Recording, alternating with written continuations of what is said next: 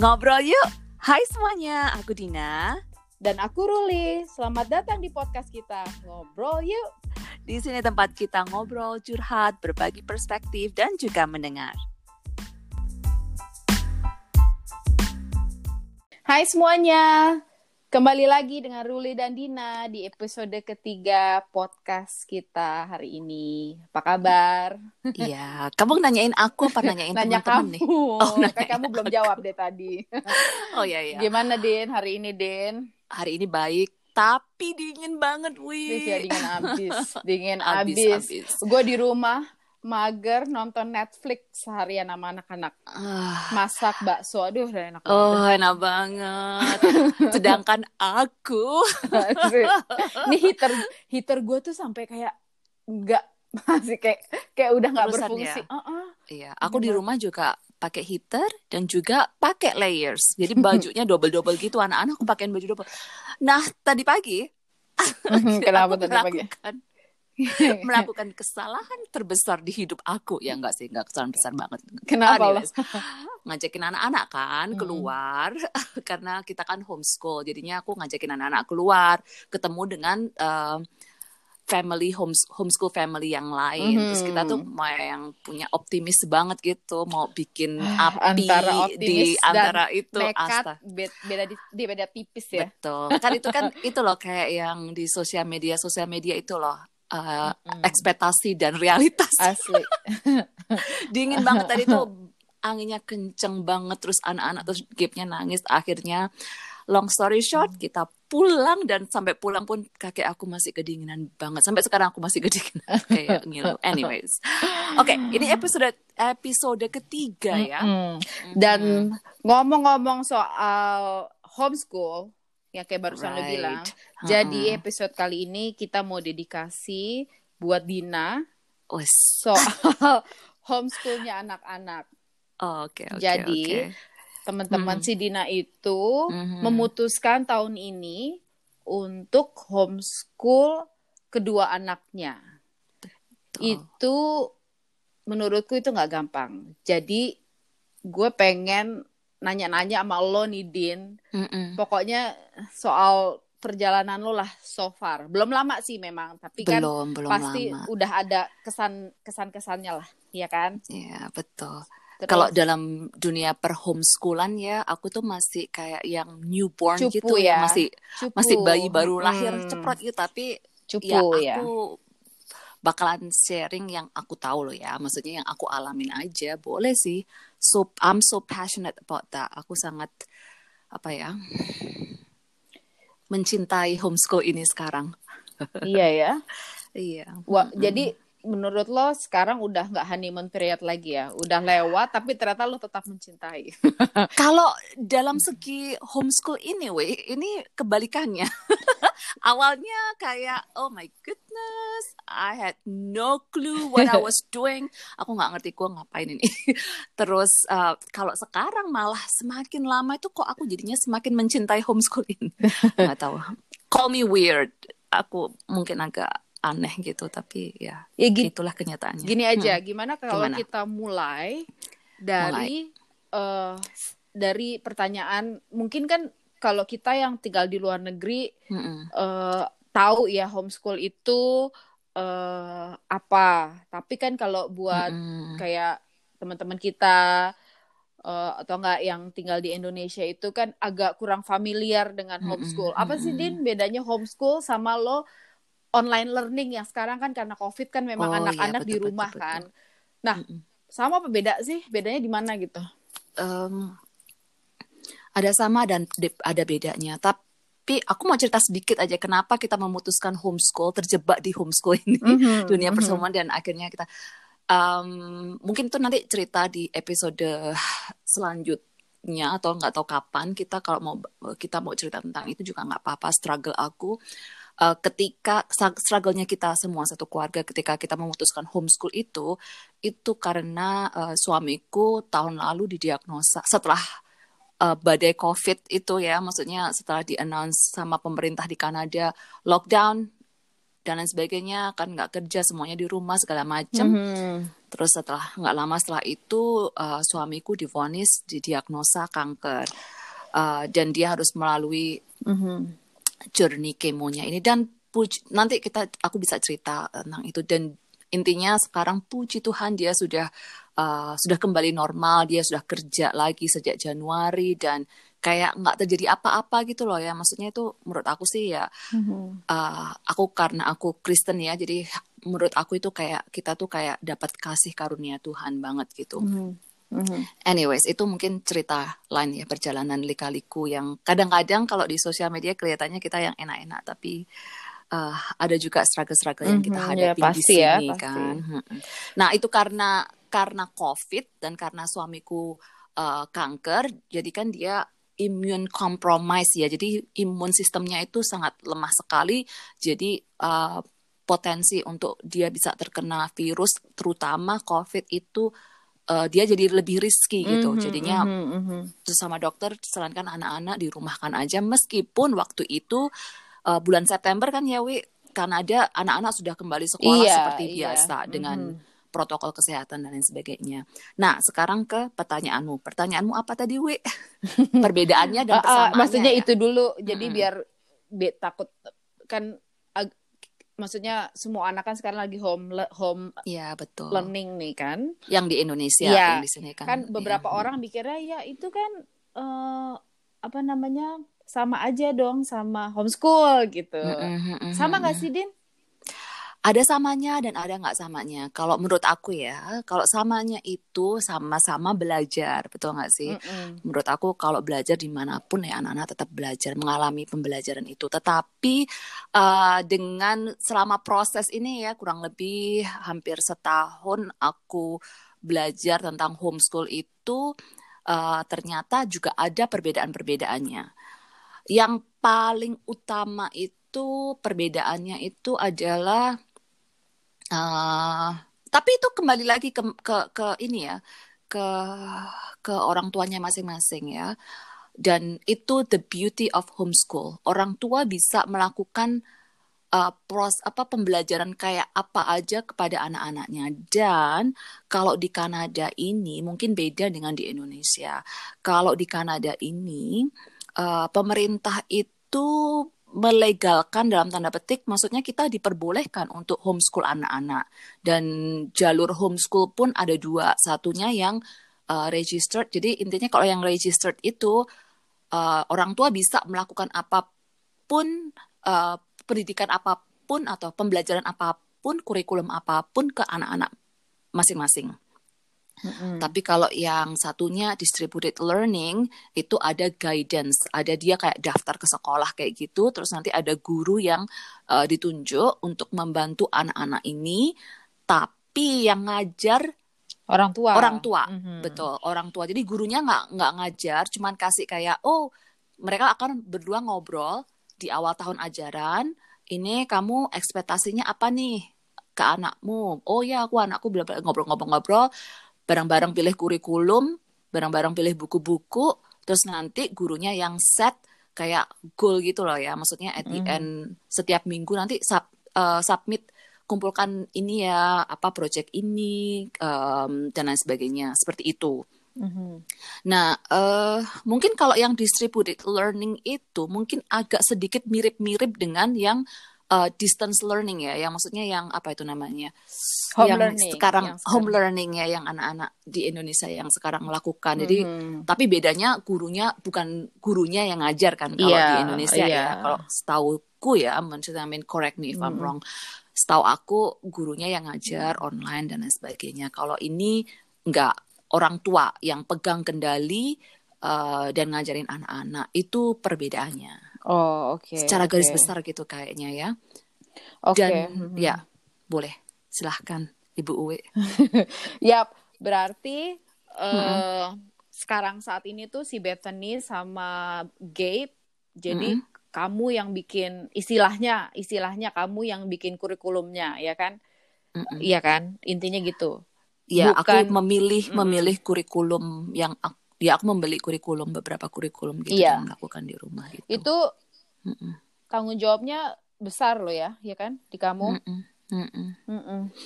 Terus asik. Tapi tapi karena ini ya, maksudnya karena aku mungkin karena background aku di pendidikan juga ya.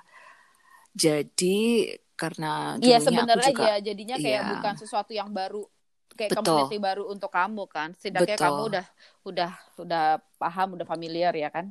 ya. Mm-mm. Tapi yang bedanya itu, eh, awal-awal itu ya, sebelum aku belajar lebih banyak gitu tentang homeschool ini, aku memiliki konsep yang eh, bukannya salah ya, tapi mungkin kurang tepat dan ak- membuat aku sendiri kewalahan dan kelabakan. Kenapa? Karena di awal-awal aku kayak dalam tanda petik ya, bring the school to my house. Intinya, jadi apa pun yang aku pikir yang dilakukan anak-anak di sekolah sesuai dengan jadwal dan lain sebagainya itu, pagi apa eh, nanti matematika, nanti Inggris eh, dan lain sebagainya itu itu aku bawa di rumah dan itu bisa dilakukan tetap. Cuman itu tidak sesuai dengan realita yang apalagi kita di sini kan nggak ada yang bantu ya, Wi. Kita sendiri semua Mm-mm, punya anak mm-mm. ya kalau aku sih anaknya masih cuman cuman dua kalau yang anaknya tiga empat lima dan lain sebagainya meskipun anak dua itu kayak kurang realitas ya realitas eh realistis. bener sih. realistis kurang realistis Eh, seperti itu jadi yang sekarang aku apa namanya coba coba lakukan itu aku belajar banyak aku ikutin konferensi-konferensi kayak homeschool terus aku baca-baca buku tentang eh, homeschool itu sebenarnya seperti apa dan lain sebagainya. Jadi setiap saat ya kayaknya tuh masih berproses ya awalnya seperti ini dan kemudian agak terus setelah berapa lama gitu oh ini nggak berhasil it doesn't work so let's just uh, do something else that that works dan lain sebagainya. Kayak gitu sih Kalau Bethany sendiri sama Gap gimana? Maksud ya kalau mungkin kalau Gap kan masih kecil ya, jadi dia belum Mm-mm. belum belum ngerti sekolah sebelumnya Mm-mm. kan. Tapi kan kalau Bethany kan udah eh, dari oh, maksudnya terakhir kelas 3 kan bareng dengan teman-temannya di sekolah. Terus tiba-tiba dia switch ke homeschool. Gimana tuh si Bethany ininya? perasaannya Mm-mm, ya kayak re- lebih kayak dia res- reaksinya gimana? reaksinya. Mm-mm. Eh, yang awal sih waktu awal-awal kan tuh sebenarnya kita sempet yang home learning itu kan ya yang di sini juga karena covid itu kan. Mhm. itu sih masih dia kayak yang ya oke lah karena semua anak kayak gitu juga kan. Nah ketika kita harus memutuskan untuk homeschool dia kecewa. Karena em, kalau buat anak-anak ya apalagi usia seperti itu seperti eh, se- seusia Bethany itu waktu itu dia 9 tahun itu kan teman-teman itu tuh their apa her everything kan. Hmm. maksudnya bukan her everything lah maksudnya anak namanya juga anak-anak ya maunya kan juga mainnya sama anak-anak. Bukan Mm-mm. sama emaknya terus kan dan lain sebagainya. Dan yang paling dia inginkan apa rindukan tuh ya sekolah lagi dan ketemu teman-temannya. Tapi kan kita nggak bisa. Kita nggak bisa apa namanya eh Ya kamu karena nggak ada pilihan resiko lain. iya ya kan? karena aku nggak ada pilihan lain waktu Mm-mm. itu dan em, ya nama juga mama-mama ya kayak kamu juga mama juga Apa kamu juga ngalamin nunjuk-nunjuk kaki aku nah kamu juga kamu maksud aku kamu juga kalau namanya orang tua ya kaki jadi kepala kepala semuanya jadi kaki ya semuanya Betul ya. Mm. nah aku ya kita berusaha meng- mengusahakan semaksimal mungkin untuk aku join apa komunitas-komunitas di sini homeschool dan lain sebagainya. Jadi kalau di homeschool itu ya Mm-mm. berarti juga eh, ada komunitasnya ya. Jadinya kayak kamu bisa play date atau Hmm, enggak mm-mm. misalnya kamu yang eh, pengen fokus ke eh, apa lebih fokus ke kayak eh, Christian edu- education kamu bisa Mm-mm. bisa ketemu dengan komunitas kamu sendiri gitu ya. Oh, berarti kan sebenarnya kalau ini sebenar menurutku ya, menurut Mm-mm. pandanganku ya, berarti ini juga tergantung orang tuanya dong. betul Kalau kamu kan kamu dasarnya orangnya aktif, jadi kamu memang Mm. mencari tahu ya kan. Terus Mm-mm, kamu mm-mm. juga uh, masuk ke komunitasnya. Yeah. Tapi kalau misalnya memang orang tuanya yang aktif kayak kamu, jadi sebenarnya uh, apa pengalaman dia kayak di sekolah juga sebenarnya masih bisa di maintain kan. Jadi maksudnya dia punya teman baru, jalan-jalan dengan teman. Iya, jadi ya. Iya betul juga sih. Uh, ada kan ya kayak terbesit pertanyaan pastilah ya. Maksudnya kayak aku umpamanya di awal-awal dan yang ternyata uh, itu pertanyaan-pertanyaan yang umum terutama ibu-ibu yang memutuskan untuk homeschool anak-anaknya. Salah satu pertanyaan terbesar adalah will I ruin my child education atau my child uh, future? Apakah aku akan me, apa namanya?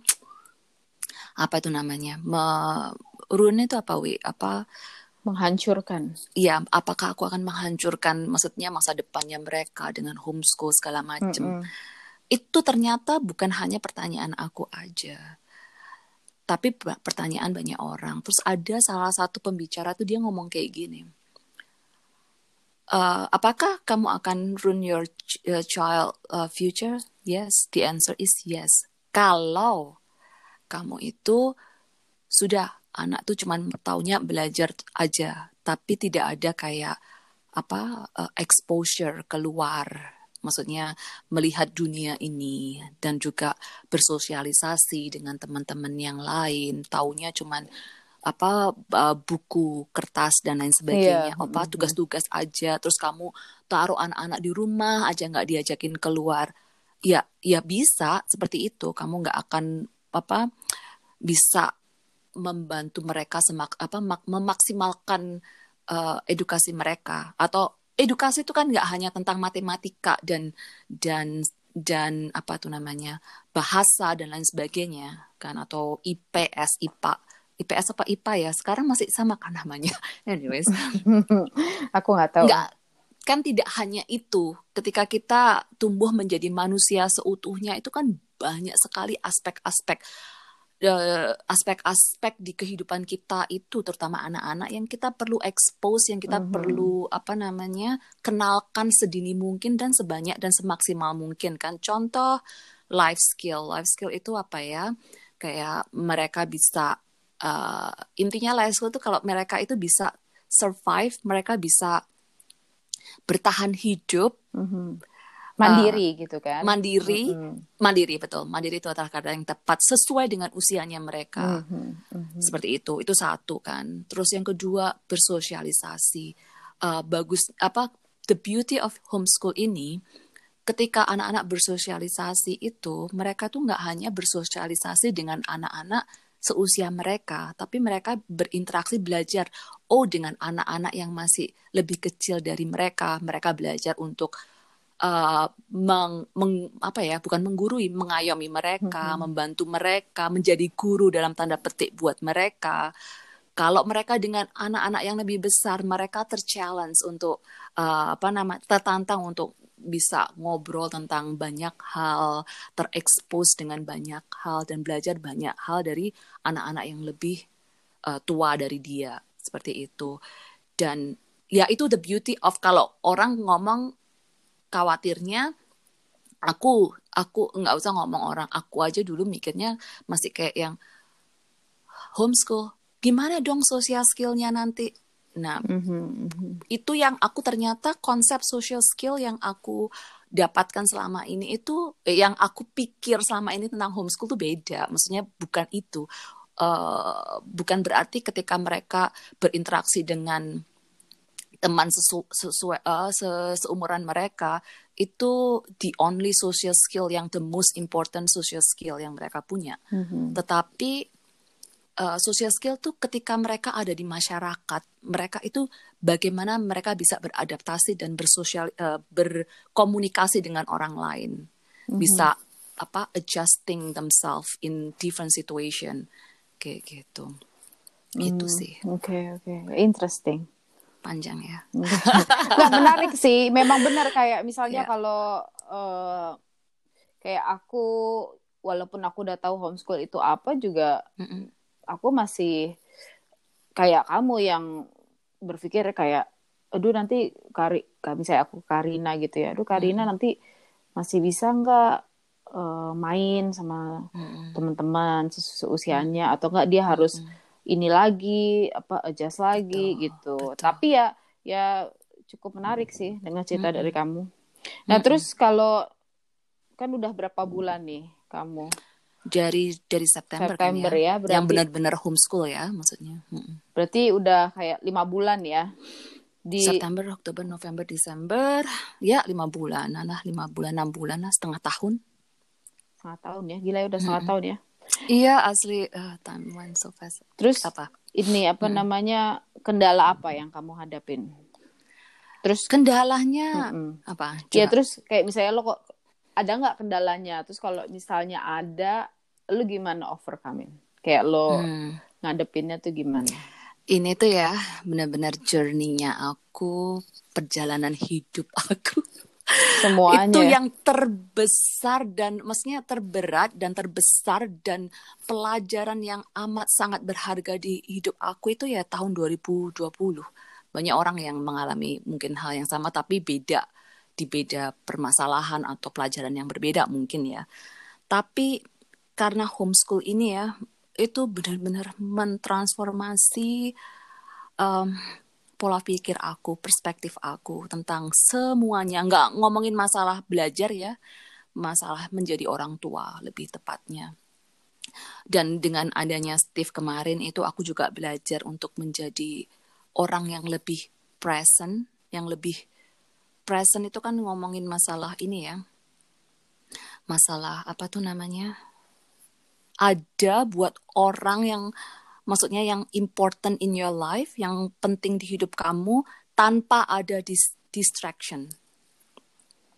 Tanpa ada HP, tanpa ada just you like intentionally looking at into their eyes mm-hmm. and talk to them and just embrace that moment. Awal-awal kalau yang perjalanan ini tuh kalau sampai up to this point yang aku amat sangat rasakan itu itu dengan semua ke apa ya self doubt mm-hmm. bahasa Indonesia-nya adalah khawatiran apa? Uh, bukan. Self doubt itu kayak aku merasa nggak mampu gitu loh. Ngerti nggak sih? Maksudnya mm. bisa nggak sih aku? Ya itu. Bisa nggak sih aku kayak gitu? Apalagi kan English is not my first language. Bahasa Inggris itu bukan dan ini kan maksudnya di Canadian culture is not my culture either. So it's totally different, right? Dengan bukan totally like ada yang perbedaan-perbedaan yang banyak perbedaannya antara uh, culture-nya kita dengan culture-nya di sini which is anak-anak mm -hmm. itu kan tinggal dan besar di sini. Yeah. Itu yang contoh kecil tentang history, Canadian history, nggak tahu gue apa itu, English, pelajaran bahasa Inggris segala macam kayak gitu-gitu.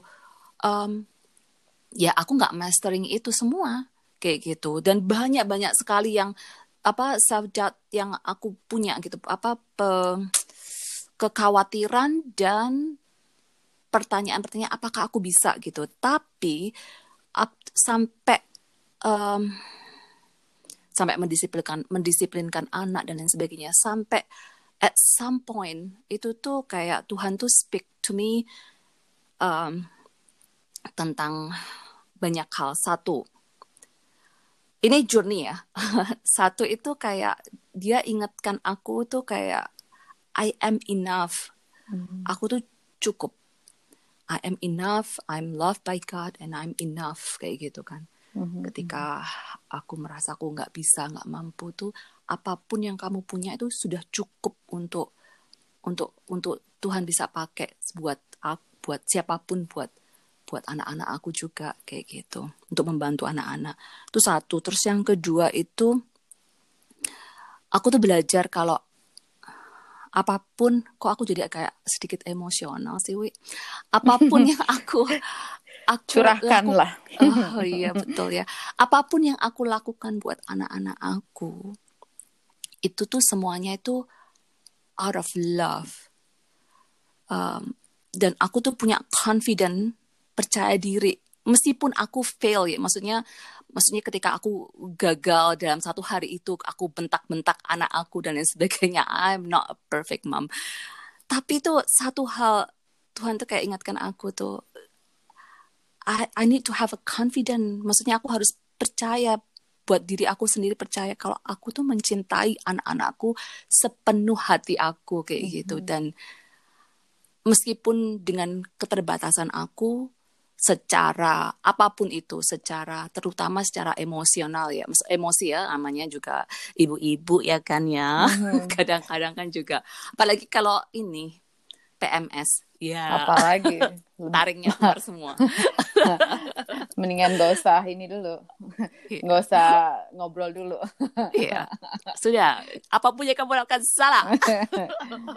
Jangan berani-berani ngelihat mami. Anyways ya itu sih maksudnya apa pun dengan segala keterbatasan aku tuh aku tuh mencintai mereka gitu jadi aku nggak perlu takut kalau aku tuh uh, apa namanya melakukan hal-hal yang yang aku takutkan nanti kalau aku gini nanti aku bisa membuat mereka jadi apa nih ke depannya segala macam. Tapi aku tahu satu hal yang pasti aku tuh mencintai mereka dan aku mau melakukan yang terbaik buat mereka kayak gitu. Dan yang pasti itu ya at the end of the day ketika sesuatunya susah buat mereka dan lain sebagainya siapa mereka tuh datangnya ke siapa ke kita juga kan ya itu yang membuat aku yang oh they just they will come to me for comfort jadi itu yang membuat aku kayak oke okay, this is enough maksudnya this is more than enough kayak gitu mm-hmm. itu kedua yang ketiga panjang nggak sih nggak apa-apa ini kan emang ini yeah. apa namanya yang lo alamin dan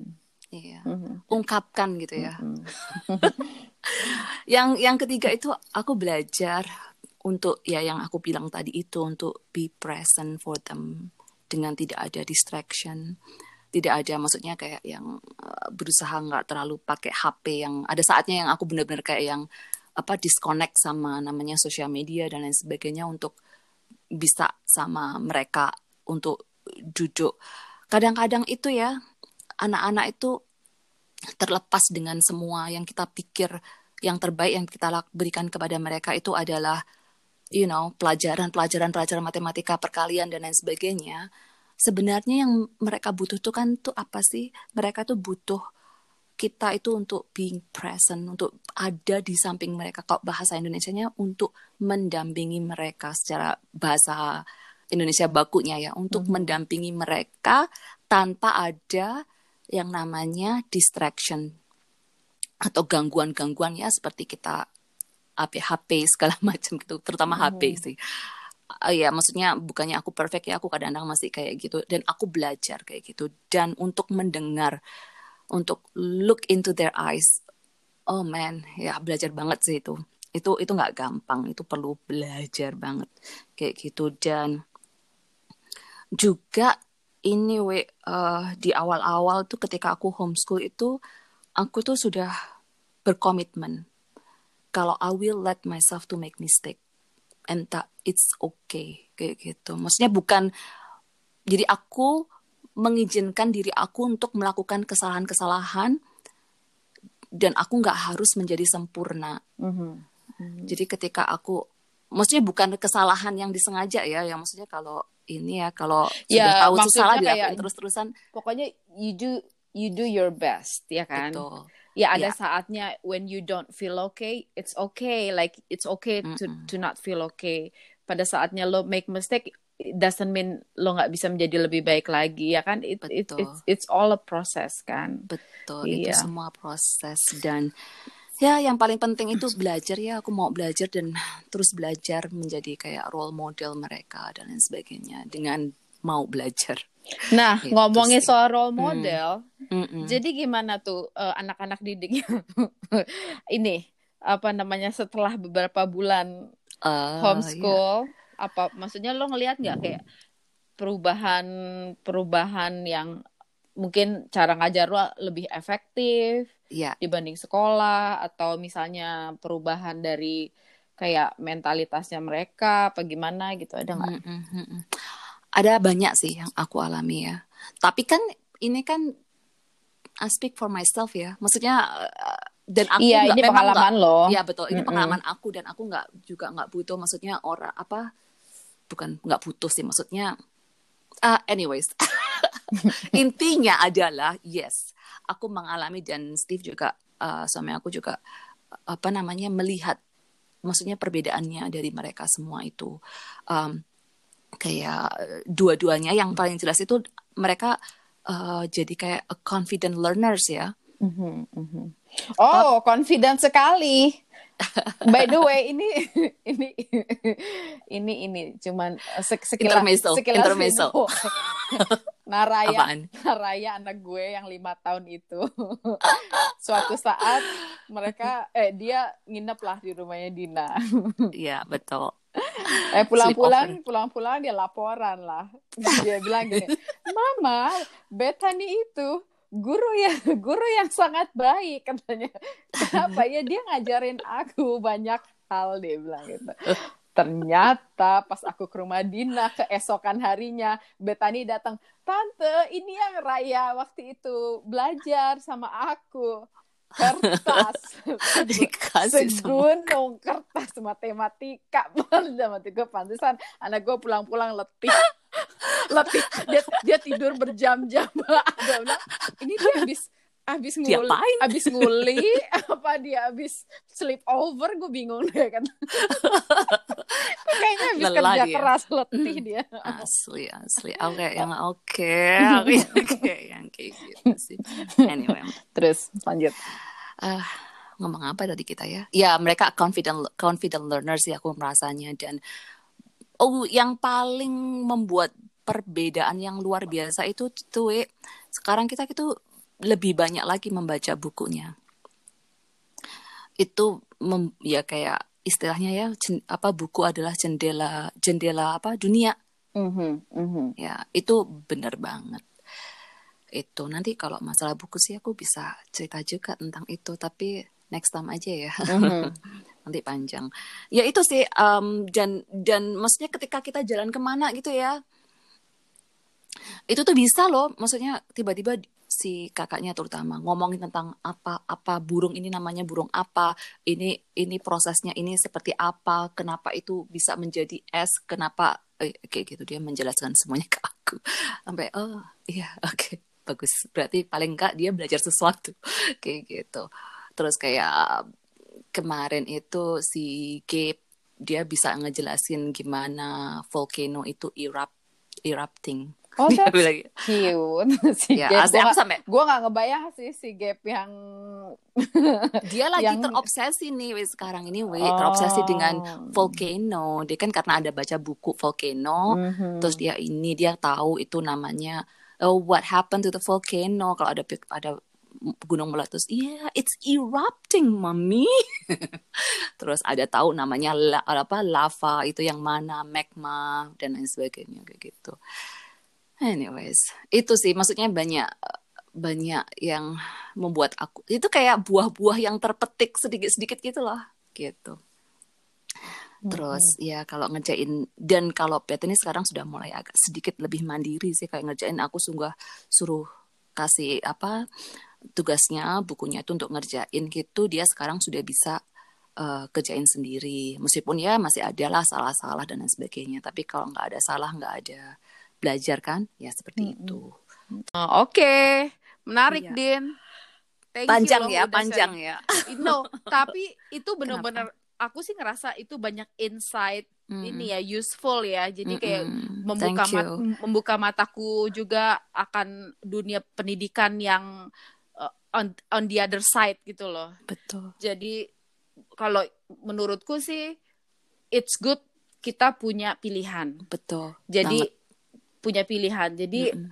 eh, mau homeschool, mau eh, pergi ke apa sekolah mainstream biasa. sekolah, Mm-mm, mm-mm. it's all maksudnya it's Ya. actually sama. betul Jadi one another itu belum tentu working to everybody kayak kayak misalnya gue personally Mm-mm. eh, as much as gue amazed dengan lo dan gue bener-bener ngerasa kayak oh ini bener-bener ini nih apa namanya eh, cukup kayak bikin gue termotivasi tapi honestly kayaknya gue bukan jalan It's not gue for bukan di you. homeschool. Iya.